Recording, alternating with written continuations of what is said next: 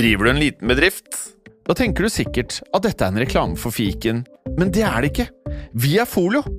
Folio er en banktjeneste for bedrifter, og vi er fikenbrukerne sin absolutte favoritt.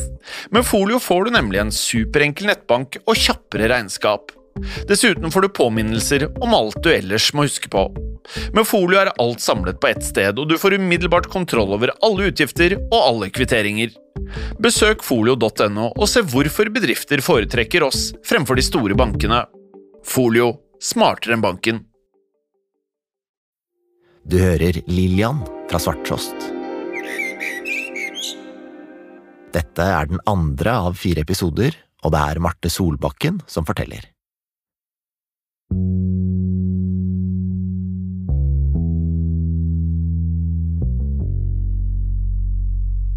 Chicago 1975. Lillian Müller er 23 år, blond, blåøyd og på full fart inn i en vill verden. Hun skal fotograferes for cover av Playboy, og står altså og venter utenfor godset da en svart limousin ruller opp foran henne. Vinduet bak i limousinen glir ned, og Hugh Hefner stikker hodet ut. Og så sa han 'Who are you?' Du kan jo se det for deg. Kanskje det blonde håret og det kremhvite, lange skjørtet hennes blafrer litt i vinden, mens Hefner retter det mørke blikket mot henne. Og så sa han 'Hey, would you like to have dinner with me tonight?' Og så bare Dinner with you? Ja, ja, ja. Det her, du, jeg følte jeg var kommet inn i en annen verden temmelig fort. Hvordan blir livet når du er så innmari deilig at Hugh Hefner, kongen av alle herreblader, flyr deg til USA for å få deg på forsiden av magasinet sitt, og så lar deg flytte rett inn på Playboy Mansion? I denne episoden skal vi høre hvordan det gikk da Lillian Müller, et slags gudsord fra landet, falt pladask inn i armene på tidenes mest beryktede Playboy. Som du sikkert kan tenke deg, så blir det ganske komplisert. Lillian, you have used me, husker jeg han sa til meg. I have used you. Så krangler han med deg, ikke sant. You think I have used you? Mer om alt det snart. Først skal vi til nåtidens LA, der Lillian Müller er midt i en annen skjebnesvanger dag.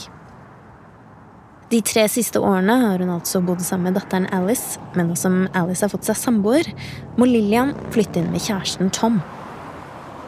De to har kjent hverandre i flere år, men Lillian har kronisk forpliktelsesangst, og hun er livredd. Det er veldig forfjamsa i dag, må jo bare innrømme det. Vent litt. Sånn. Så må jeg låse Sånn, ja. Jeg lurer på om du låste opp? Og låse. Nei. Jeg er ikke så forfjamsa at jeg låser opp når jeg skal låse, altså. Etter en god treningsøkt har Lillian nå parkert utenfor lageret sitt vest i byen. Ifølge henne selv lever hun et omflakkende liv, så på dette lageret har hun nesten alt det hun eier. Møbler, bilder, blader og brev. Alt for øyeblikket uten fast bopel. Nå skal Lillian prøve å skvise inn et par flytteesker til, for hvis forpliktelsesangsten bobler opp, da er det lurt å ha pakket lett. Det er jo klart at om det går en uke eller to eller tre, og så våkner jeg plutselig om morgenen og tenker nei, det her går ikke.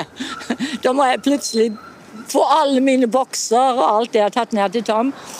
Og så må jeg pakke alt sammen, og så må jeg få det over her, og så må jeg sikkert leie en lagerplass som er enda større. ikke sant? Men den lagerplassen der har jeg jo hatt i mange år. da. Men allikevel så jeg vil ikke gå gjennom det, så jeg setter så mye jeg kan på lageret mitt, og så tar jeg resten her til Tom. Det er ti år siden Lillian kjørte de første flyttelassene til dette lageret, da hun og den daværende samboeren gjorde slutt etter 13 år sammen. Lillian var 61 den gangen, og kjæresten mente det var på tide at hun slo seg til ro. Lillian var uenig, for hun hadde viktigere ting å ta seg til. Nå var det på tide at jeg oppførte meg som en 61-åring, og ikke som en 21-åring. Men nå er det slutt. Nå du løper rundt hele verden akkurat som en sigøyner, og jeg holder ikke ut. Ikke lager du mat, ikke gjør du husarbeid. Og sexen? Nei, det vet jeg. Det ble for det ble for lite av det òg. Og du vet, ja, men jeg har så mange drømmer og mål som ikke har fått oppnådd. Og du må rise, altså, jeg kan jo ikke bare slutte nå. Jeg må gjøre det jeg må gjøre. Så. Men da, han forsto ikke, så det ble bare til at vi gjorde det slutt. Men det var hardt, for det var 13 år. Og du vet, 13 år er lang tid. Lagerbygningen ligger et kvartal unna travle Olympic Boulevard og er en diger betongkloss på ett plan. Lillian finner fram et nøkkelknippe som åpenbart har flere årganger med nøkler på seg, og så triller vi flyttekassen innover i lokalet på jakt etter riktig enhet. Og i dag så skal du flytte Og i dag skal jeg flytte inn til Tom. Så det er jo helt vanvittig. Så det er liksom neste på lista, da. så du vet. Jeg er litt sånn uh, gjennom redd for hvordan det skal gå. For jeg, jeg, jeg har bygd opp litt sånn redsel i alle de åra for å bo med noen mannfolk, liksom. Det er også en annen grunn til at vi har tatt turen hit til Lillians lager. Hun er nemlig ganske sikker på at hun har noen minner fra forholdet til Hugh Hefner et sted inne i kaoset. Møtet med ham skulle bringe henne både berømmelse og mange søvnløse netter. Men den første dagen i Chicago, etter at limousinen har rullet opp foran henne og Hefner har invitert henne til middag, er magen til Lillian full av sommerfugler. Hun spør alle hun treffer om mannen som hun nettopp har møtt. Den ettermiddagen der, når jeg var i Playboy Studio, så hadde jeg jo spurt mange om han. Spurte fotografen om han, og Hva spurte du dem da? bare, bare Hugh Hefner. What about You Hefner? He was inviting me out tonight. Ja, that, uh, yeah, you have Hefner. Oh, oh, he owns Playboy, you know. He has a mansion here in Chicago, and he has another mansion in Los Angeles. Oh, oh my God! Wow! And he's the most popular, um, you know, uh, bachelor in the world. All the girls want you Hefner, husker de sa til meg. Oh, really? ok. Når de møtes til middag på Playboy-godset den kvelden, er Lillian stivpyntet, mens Hefner kjører en litt mer avslappet stil. Han gikk i morgenkåpe hele døgnet, han. Alltid. Han kledde seg ikke i vanlige klær. Han gikk i kun morgenkåpe med pipa si. Og Pepsi Cola. Glassflaske med Pepsi Cola. Det var Hugh Hefner kjent for i den tida der. Jeg kommer aldri til å glemme det synet heller, for jeg hadde aldri sett en mann gikk rundt i morgenkåpe med pipe og Pepsi Cola. Så det syns jeg var litt interessant og annerledes. Playboy-sjefen er 49, med et firskårent ansikt, mørk lugg og mørke øyne. Han er mer enn dobbelt så gammel som Lillian, som sitter der og stirrer på ham. Det er mye hun ennå ikke vet om denne nye verden.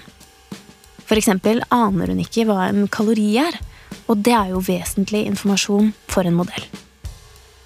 Helt siden hun ankom godset for noen dager siden, har hun stappet i seg. Så jeg bare så all den her godmaten og spiste alt jeg så. Dobbelt og trippelt av ditt og datt. og Der var det jo kaker og kjeks og smultringer og i fleng og middag med sauser og mye iskrem i alle slag. Så du vet, jeg bare spiste og spiste og spiste. og spiste. Så når jeg begynte med den fotograferinga der, da maven sto vel sikkert rett ut, kan jeg tenke meg. Og jeg husker bare fotografen sa 'Lillian, hold in your stomach'. Kan jeg huske. Så husker jeg sa 'But I'm holding it in'. Jeg holder maven inn. Nå har hun fått råd fra en annen modell om hva hun bør spise og ikke spise for å få flatere mage. Fordi Jeg måtte jo få ned maven min, ikke sant? så ikke den sto ut så mye. ikke sant? Da den kvelden med Hugh Hefner der husker jeg jeg plukka i salat. Og han hadde, han hadde, Jeg tror han faktisk hadde koteletter med brun saus. Kotelett, sånn som i Norge. Koteletter med brun saus, altså sånn hvite sånn roll, sier det på engelsk. Sånn eh, rundstykker. Slags rundstykker. Og da, da, visste jeg jo ikke det, men eh, koteletter i brun saus og rundstykker er en av Hefners mest største favorittmiddag. Lillian er så nervøs at hun nesten ikke får fram et ord. Barndomsdrømmen om å komme til Amerika har plutselig blitt til virkelighet. Og nå sitter hun her og spiser middag med en av landets aller mest berømte menn. Han var så Han var så mektig på en måte. Han var så, you know, Intimidating heter det på engelsk. Hva er det for noe på norsk? nå? Han var så veldig sånn overveldende sånn Jeg jo, følte meg usikker fra før, og han følte, fikk et, meg til å føle meg enda mer usikker og mer mindre og mer ubetydelig når jeg satt og prata med han. ikke sant? Og jeg bare sa ja og ha. Yes, Mr. Hefner, yes. Oh, don't call me, don't call me Mr. Hefner. I'm Hef to my friends. Så det var OK, Hef. Ja, Hef. Så begynte jeg å huske han snakka til meg om Norge og spurte meg om min mor og søsknene mine. og Lillian vet ikke ennå, men Hefner har fått se noen upubliserte nakenbilder som en engelsk fotograf har tatt av henne. Han har store planer. Så da sa han det. I have seen them. That's why you're here. I've seen them. We want you a centerfold cover. And who knows what else. Da visste ikke jeg at han tenkte allerede på Playmate of the Year. Det visste jeg ikke, men det var det han hadde tenkt, for han hadde snakka med noen av fotografene hvordan vi skulle gjøre neste år når vi skulle fotografere Playmate of the Year. Jeg visste jo ikke det. Han hadde planen i orden han, når jeg traff han med en gang, veldig fort. Nei, Så da ble det jo da at eh, jeg og han ble venner. Det var ikke noe seksuell omgang mellom oss. eller noe sånt. De tre ukene der som jeg fotograferte min centerfold og min første cover for Playboy, tok tre uker. På coveret som hun fotograferes for disse ukene i Chicago, sitter Lillian og ser tilsynelatende blygt bort fra fotografen. Det eneste hun har på seg, er stay-up-strømper og et tynt, sort slør som er drapert over ansiktet og ned langs overkroppen. Hun holder en rød rose, strategisk plassert, for dette skal jo være litt classy også. Lillian selv mener at hun ser ut som en norsk budeie, men jeg vet ikke om så mange ville vært enig i det. Hun har tenkt å dra tilbake til London når fotoshooten er over, men den ideen går raskt ut av vinduet. Det var jo planen at jeg skulle tilbake til London og fortsette min karriere i London. Jeg hadde leilighet der, jeg hadde masse ting der. Klær og ting som jeg samla på, og mye rart. I leiligheten min. Um, men så da inviterte Hugh Hefter meg til Los Angeles. Hey, honey, I'm going back to Los Angeles. You want to come? And I'm like, oh my God, do I want to go to Los Angeles? Jo, kanskje jeg skulle gå til Los Angeles også med Hugh Hefner. Jeg begynte å bli småforelska i han da, ikke sant. Og jeg lurte veldig feil på hva som skulle skje når jeg kom til Playboy Mansion i Los Angeles i forhold til åssen livet hadde vært med han de tre ukene på Chicago Mansion. Ja, Hvordan hadde det vært da? Du sa at det ikke hadde skjedd noe romantisk? Nei, vi hadde faktisk et forhold som ikke er basert på sex helt fra begynnelsen. Han oppførte seg veldig annerledes med enn de andre jentene. Så Lillian bare gir bort alt hun eier? Hun hopper på Hugh Hefners privatfly, The Big Bunny, og flyr til LA. Når hun ankommer, får hun tildelt et rødt rom på Playboy Mansion, der det er duket for både romantikk og så mange tårer at det etter hvert skal bli nødvendig med plastisk kirurgi.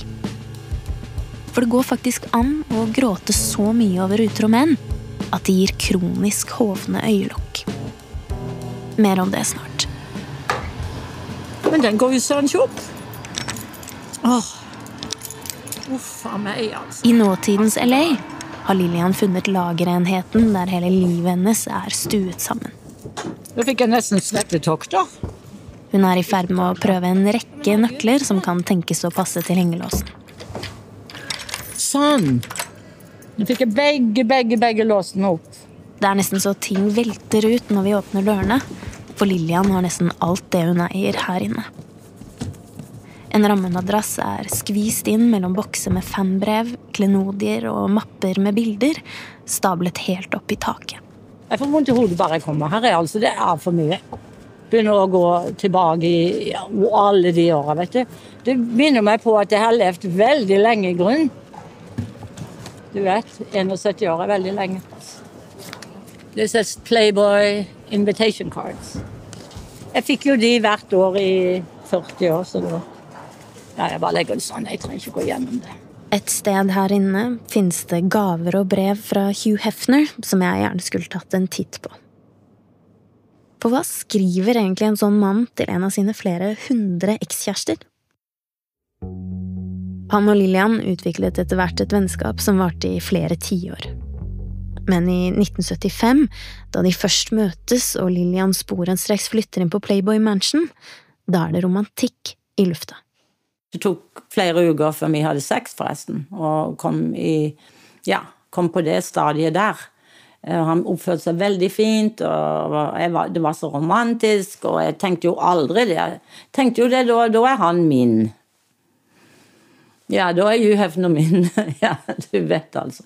Å tenke det om Hugh Hefner, det var jo helt vanvittig, da. Men jeg var jo så romantisk og uskyldig og forelska i han, så jeg trodde det at det skulle være sånn, da. At det var bare meg. Og det var ikke noen andre jenter, liksom. Uh, og du vet, å tro at du kan ha Hugh Hefner for deg sjøl, altså. Det er jo en vill drøm. Totalt urealistisk. Første gang de to elsker, er i den berømte grotten på Playboy Mansion. Et dunkelt, belyst innendørs svømmebasseng med et hvelvet steintak og tropiske vekster. Lillian føler at hun har funnet drømmeprinsen, og hun svever på en rosa sky disse første ukene. Herskapshuset i gotisk stil har 30 soverom og et personale som står på pinne for Hefners gjester. Mange av Playboys modeller gjør som Lillian og bor der mens de jobber for bladet, og mange av dem havner i Hefners enorme seng, som har sengetøy i svart silke og speil i taket. Men nå er det Lillian som ligger der, tett omslynget med sjefen selv. Hvis hun og Hefner blir sultne, kan de bare løfte telefonrøret og bestille hva som helst fra kjøkkenet. Ferske krabbeklør klokka fire om natta? Null problem. Senga til Hefner er så stor at den kan romme åtte mennesker, og noen ganger gjør den det. Han har etter sigende verdens største jukebox og et kamerateam som er parat til enhver tid. De spiller backgammon og spiser M&M's fra store glassboller. Og noen ganger bytter Hefner ut silkeslåbroken med for eksempel en fløyelsblazer og tar med Lillian på fest. Det var jo så veldig mange politikere som kom der, og skuespillere, store navn, ikke sant, forfattere. F.eks. For Clint Eastwood og Paul Newman og den gjengen der. og Jeg traff jo alle de her. Jeg sto jo bare helt sånn stum, liksom. De prata, og det var jo Jack Nicholson, og han var jo absolutt den som, ja, som prøvde å ta med fra Hefner, da. Det var, det var litt drama der. Men jeg kjente jo ikke Jack Nicholson, selv om han Jeg vil jo tro på den tida han var en av verdens største skuespillere allerede. Eller om han ble det rett rundt der. Jeg var, jeg var bare imponert av all, alt og alle. Og jeg følte meg som en sånn liten, sånn en bitte liten sånn, ja sånn En centimeter høy sjøl, og de var liksom én meter høye. Det er lett å se for seg alle stripene av kokain som forsvinner opp i diverse nesebor på disse festene. Det er tross alt det glade 70-tallet. Alkoholen flyter, og bruk av beroligende piller som Quaaludes skal også ha vært vanlig på Playboy Mansion. Men Lillian, som tidlig ble kjent med rusens mørke side, hun rører aldri noe.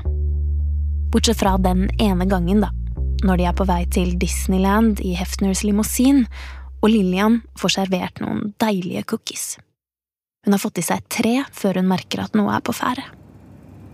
Langs veien ser hun en billboard med en krukke jordbærsyltetøy, noe som akkurat da er dypt fascinerende. Og så husker jeg sa til Hef, my God, Hef, look at that. You see that? Oh, that billboard, look at those Jeg begynte sånn. Og vi kom til en sånn en, uh, restaurant i Disneyland. Alt var altså så spennende og så fint og så interessant. Da, da visste jeg at det var noe på gang. Så da hadde jeg spist tre cookies med pott. Og jeg kan bare si det at det her, hjernen min var underlig hele Disney-trippen. Når de kommer tilbake til Playboy Mansion, legger hun seg på plenen mellom frukttrærne og stirrer opp på månen. Og månen var altså så interessant at ja, altså hele greia Jeg husker jeg våkna neste, neste dag, Og da følte jeg jo ikke sånn, og ingenting var så interessant. Det var vanlig, ikke sant. Og så husker jeg sa til Hef My God, Hef, did you know that those chocolate chip cookies they had pot in them? Because one of the girls told me that you, they had given us pot from the kitchen. Da visste jeg at jeg, hadde hatt uh, pott. Da, så jeg vet på den måten hva det er å være hai. Og det er en underlig følelse. Det er akkurat som du er en annen planet, på en måte. Så det var min eneste erfaring med pott eller narkotika i mitt liv. På denne tiden selger Playboy opptil sju millioner av hver utgave. Hefner har selv bygd opp bladet fra kjøkkenbordet hjemme, og han har gått fra å være en helt vanlig fyr fra Midtvesten til mediemogul av et helt sjeldent kaliber. Men en mørk skygge henger over godset. Det er bare noen få måneder siden Hefners nære sekretær har begått selvmord etter en narkotikadom. Hun skal ha vært under press for å tyste om narkotikabruken inne på Playboy Mansion. Flere kvinner vil senere snakke om de beroligende stoffene som Hefner selv skal ha gitt dem, og som på godset gikk under kallenavnet Leg Spreaders. Alvorlige anklager om overskridende seksuell atferd, voldtekt, manipulasjon og maktmisbruk skal også rettes mot Hefner både før og etter hans død, blant annet i den ganske rystende dokumentarserien Secrets of Playboy, som kom ut i 2022. Selv om Hefner og familien benekter anklagene som rettes mot ham, kommer Playboy etter hvert til å ta avstand fra sin egen grunnlegger. Lillian er ikke blant dem som kritiserer Hugh Hefner, og nylig har hun stilt opp i en dokumentar som ifølge henne selv skal framstille Hefner i et mer positivt lys. Men uansett så slår idyllen i 1975 raskt sprekker. Hefner er et nattedyr, og på Playboy Mansion er det storstilt aktivitet nattestid. Selv om Lillian har lagt seg for kvelden, forventes det at hun stiller opp når han ringer.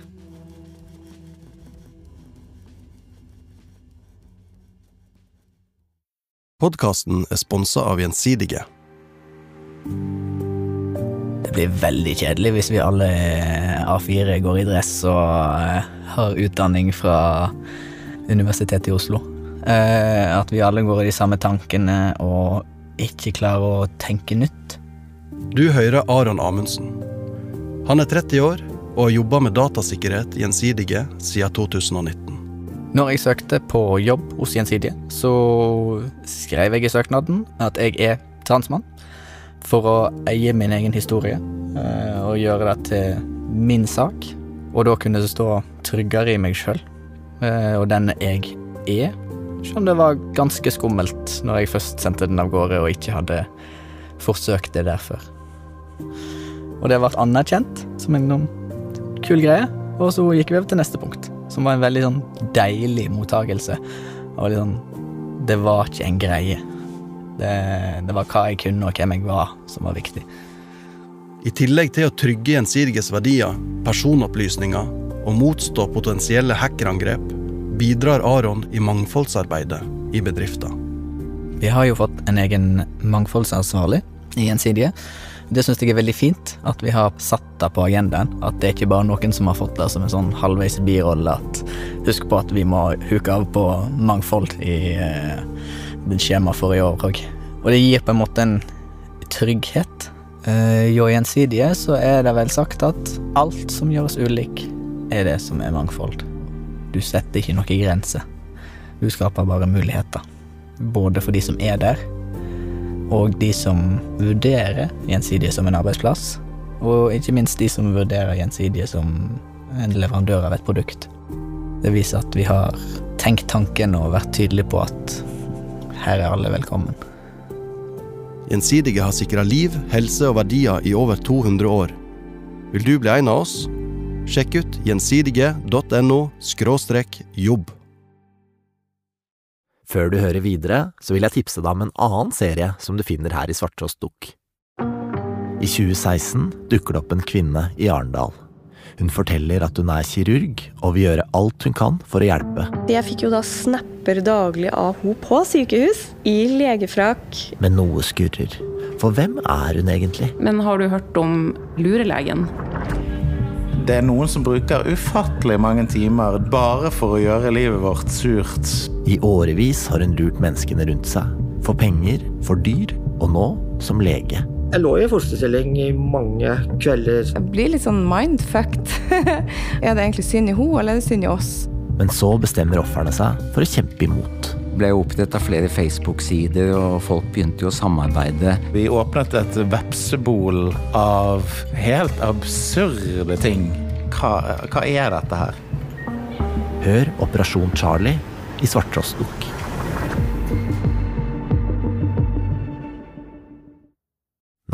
Tilbake til episoden. Han var jo veldig krevende på en måte, da, fordi at eh, jeg var jo hans førstejente, vet du. Jeg var jo hovedjenta det året der i livet hans.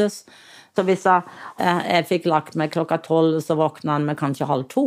For han var oppe om nettene, og så sov han om dagen. Da ville han at du skulle komme Ja, da skulle, da, da skulle jeg være klar. Og klar for hva da?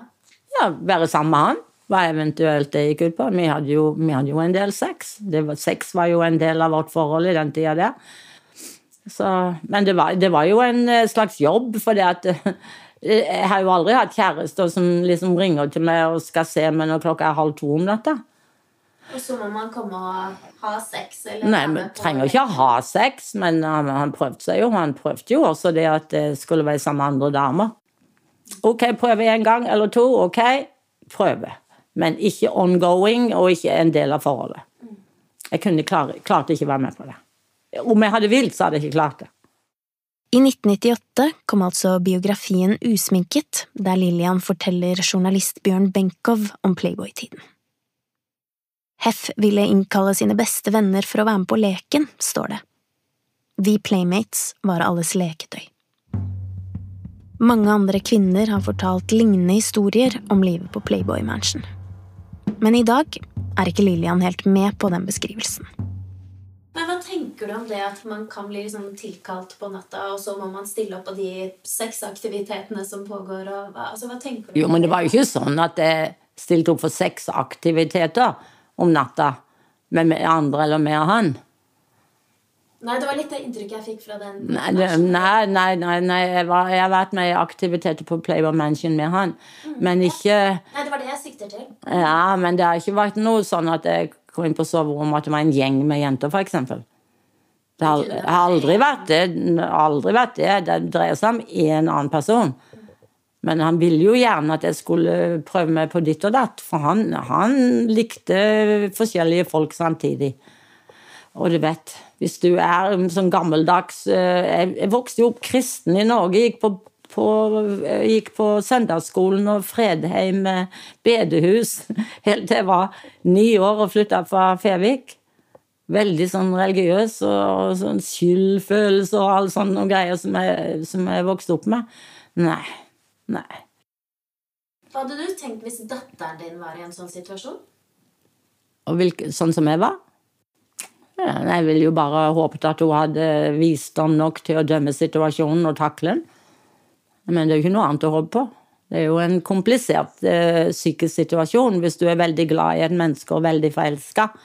Og så har de mange jenter på sida. er Jammen komplisert, altså. Så du hadde tenkt at det var greit så lenge hun Nei, jeg hadde, nei, altså, jeg hadde jo absolutt ikke likt pga. det at eh, Fordi om jeg klart Jeg har klart meg i veldig mange kompliserte situasjoner i mitt liv. Men ikke, jeg kan jo ikke vente for sikkert at eh, min datter har den livsvisdommen på en eller annen måte, eller fornuften til å klare de situasjonene. Jeg har jo også blitt tilbudt veldig mye narkotika i mitt liv. I alle variasjoner og i alle situasjoner. Jeg har jo sagt nei hver eneste gang. Jeg har aldri takka ja til narkotika. Aldri. Og det er ikke et menneske som kan komme og si fra min fortid at jeg så Lillian Müller tok narkotika.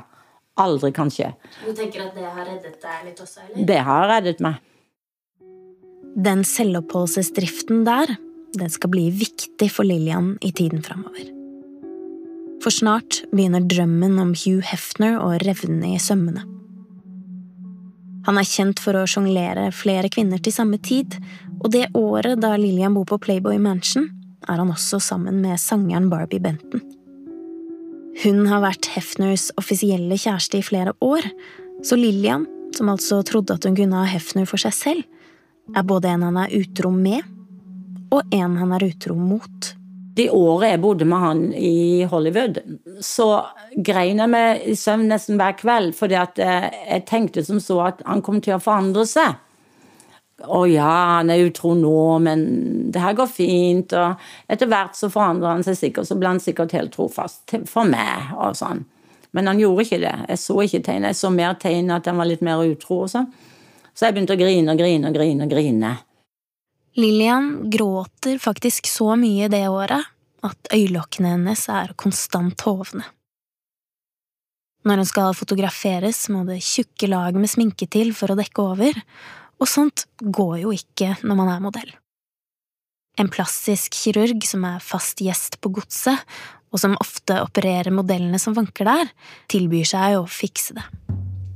Etter et besøk på kontoret hans og to dager med bandasjer har Lillian fått flate øyelokk og kanskje litt mer klarsyn. Og så begynte jeg faktisk å bli litt utro sjøl på slutten, for da skulle jeg hevne meg, kan jeg huske. Så hadde jeg vært, var i Tyskland og filma. Så traff jeg eh, Tysklands tøffeste skuespiller. Ja, så hadde jeg en affære med han da. Bare for å hevne meg på UF-ene. Fikk han vite det, da? Nei. Fikk aldri vite det. Han sa jo ingenting om alle sine affærer til meg. Ikke sant? For skulle jeg da fortelle om min eneste?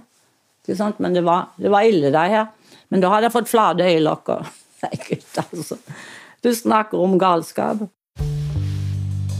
På denne tiden prøver Lillian å pense inn på et nytt spor, bort fra Playboy Mansion. Hun vil bli skuespiller, får en agent og lander noen filmroller i Tyskland.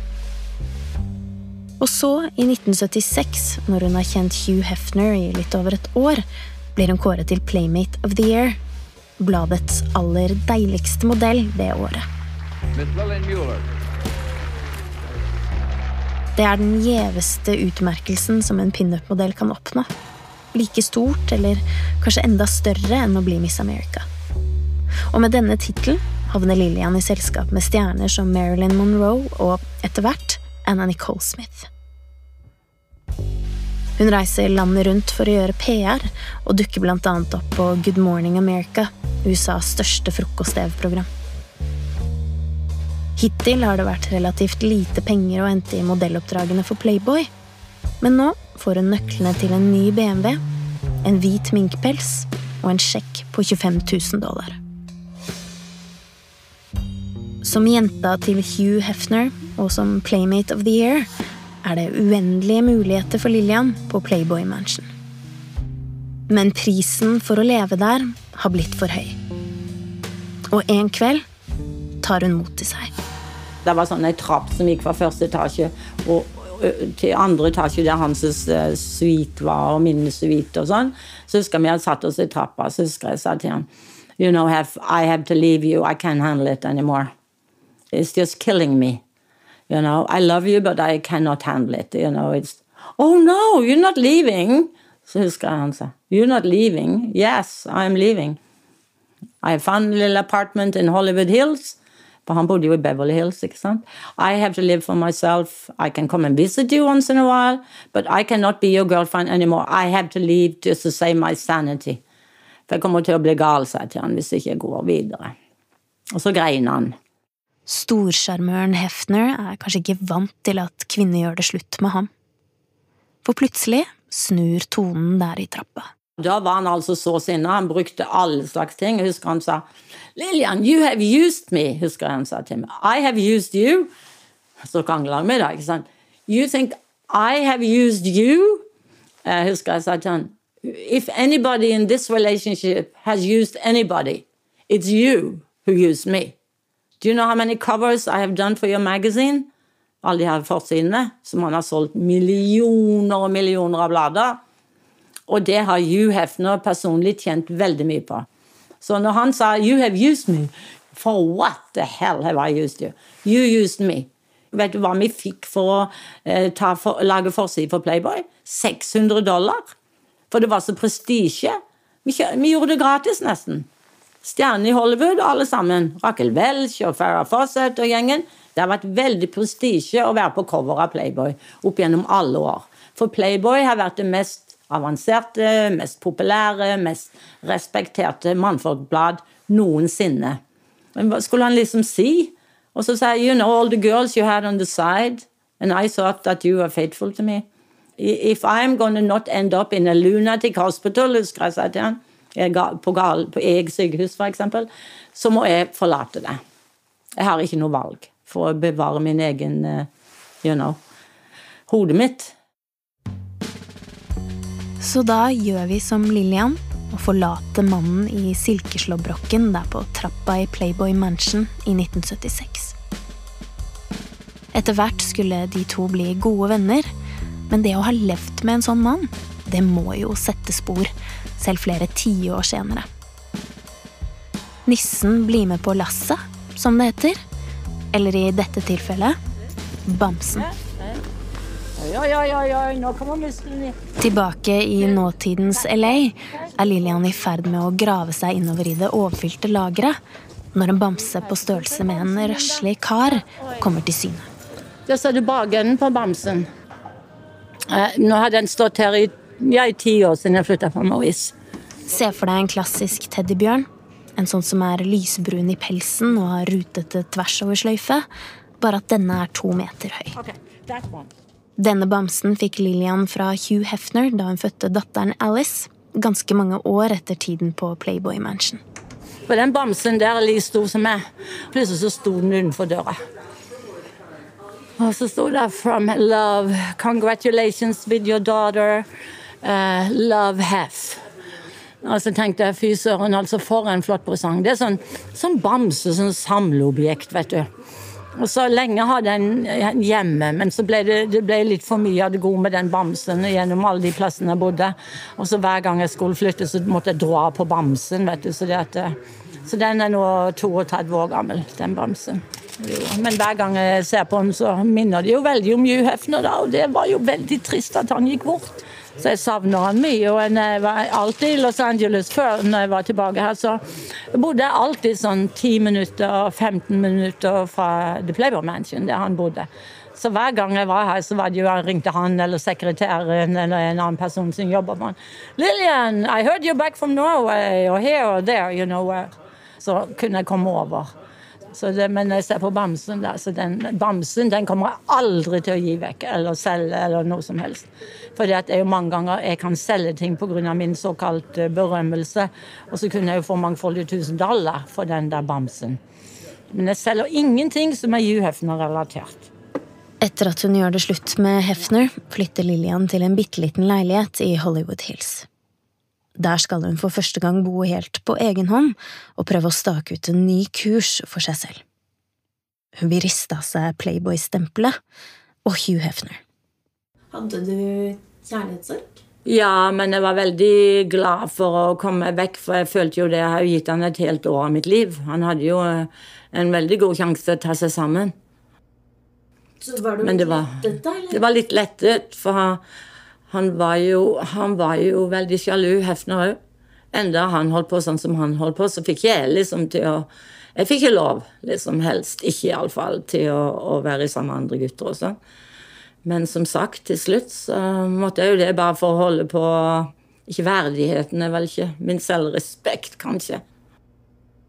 Men det var jo i den tida jeg prøvde jo å finne meg sjøl. Men jeg holder jo Herregud, nå er jeg jo 71, men jeg føler fremdeles jeg holder på å finne meg sjøl. Fremdeles liksom på jakt etter meg. Hvem er jeg, liksom? Hvem er, hvem er jeg i grunnen? Og hva er det jeg skal her på jorda? Jeg holder på med det enda.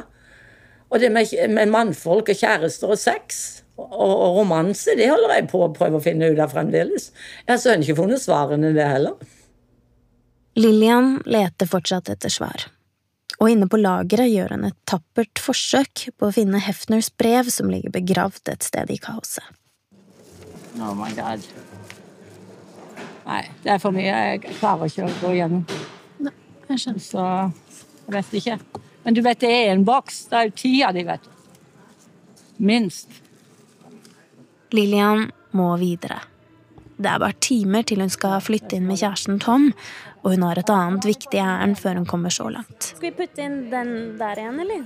Bunken med brev fra mannen i silkeslåbroken, den får ligge trygt bevart her inne. Oi. Og jeg vet ikke. Kanskje sier det nok at han sender en bamse på størrelse med seg selv når eksen får barn med en annen? Vi skviser inn de flytteeskene hun ikke vil ha med seg til Tom, og så låser vi døra til lageret med to hengelåser. Du kan jo tenke deg, hvis jeg skulle, Tenk hvis jeg kom til Tom med flyttelass og alt det her. Han kommer til å, Da kommer de å bli livredd om aldri før. Hugh Hefner ruver i historien om Lillians liv. Men han er langt fra den viktigste personen i det, og hun vil ikke at denne tiden skal definere henne lenger. Kanskje det som gjorde at de kunne bli venner på sikt, er det at hun dro, og dermed korrigerte en maktbalanse som var fryktelig skjev. Lillian er altså ikke blant dem som kritiserer Playboy-kongen, men mange av Hefners ekser har hatt en lignende bakgrunn som henne selv. Ung, sårbar, med en trøblete barndom i bagasjen. Flere av disse eksene har i etterkant fortalt at de opplevde å bli helt ødelagt av livet på Playboy Mansion. Og selv om Lillian ikke beskriver det sånn, er det et drastisk skritt å flytte fra herskapshuset med 30 soverom og til en ettroms i Hollywood Hills. Der skal hun nå prøve å riste av seg Playboy-stempelet, helt alene i en beinhard bransje og med en blytung last i bagasjen. Det er så mye som skremmer henne. Korridorer, heiser, menn. Hun har det med å svime av. For det har skjedd ting i forbindelse med karrieren som har etset seg fast i henne. Og snart skal den unge Lillian Müller bli slukt av et stort mørke. Mer om det i neste episode av Lillian.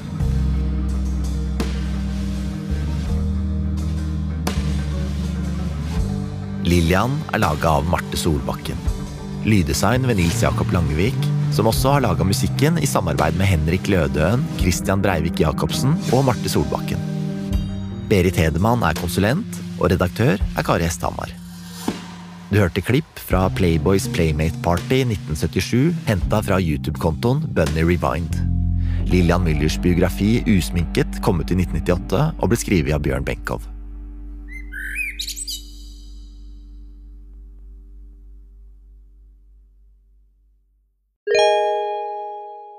Har du et enkeltpersonforetak eller en liten bedrift? Da kjenner du kanskje følelsen av å skulle gjøre regnskapet, men så var det de kvitteringene, da. Hvor har de gjort av seg? Med fiken får du en egen app for kvitteringer. Bare ta bilde og kast papiret, så tolker fiken kvitteringen og legger inn det som trengs i regnskapet. Gjør som over 70 000 andre, ta regnskapet selv med fiken. Prøv gratis på fiken.no.